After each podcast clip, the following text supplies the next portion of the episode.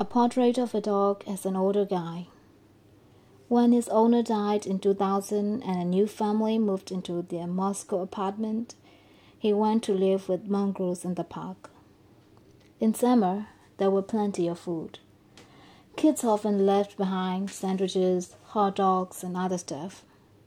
He didn't have a big appetite, still missing his old guy. He too was old. The ladies no longer excited him, and he didn't burn calories chasing them around. Then winter came, and the little folk abandoned the park. The idea of eating from the trash occurred to him, but the minute he started rummaging in the overturned garbage containers, a voice in his head said, No, Rex. The remnants of a good upbringing lower our natural survival skills. I met him again in the early spring of 2001. He looked terrific. Tannin gray became him.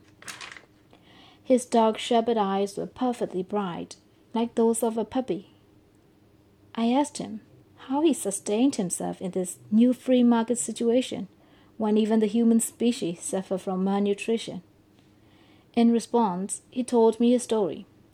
How at first he thought that life without his man wasn't worth it, and how those who petted him when he was a pet then turned away from him, and how, one night, he had a revelation.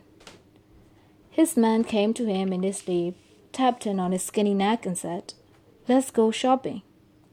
So the next morning, he took the subway and went to the street market where they used to go together every Sunday and where vendors recognized him and fed him to his heart's content.